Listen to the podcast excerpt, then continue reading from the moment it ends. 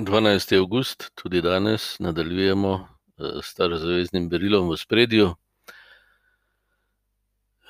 Tisti, ki vstopa v obljubljeno deželo z ljudstvom, je skrinja Božje zaveze, ki so jo nesli čez Jordan.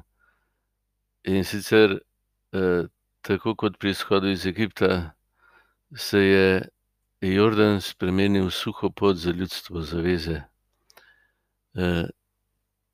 Zahvaljujoč skrinji, ovira, ki se zdi nepremagljiva, postane priložnost.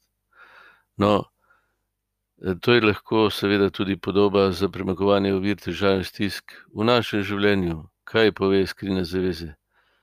Da je za naše premagovanje naših ovir bistveno povezano z Bogom, pa njegovo moč, ne naše lastne moči.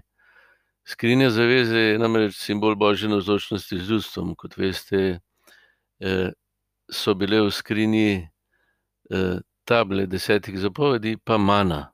Božji dar pa božje zahteve v tem odnosu Bog - človek, torej zapoved ljubezni. To so deset zapovedi, ne, table božjih zapovedi, ki so v resnici utelešena, kako živeti ljubezen, da boš človek po božji podobi. To samo spomni nas. Omogoča nam pa to živeti božji dar, mana. In v krščanstvu je ta mana Kristusova izročitev v Evharistiji. Z njegove moči jaz lahko potem tudi ljubim zares Boga in svojega bližnjega, se pravi tebe, kakor samega sebe, kakor tistega, ki ga Bog ljubi in mu je dragocen.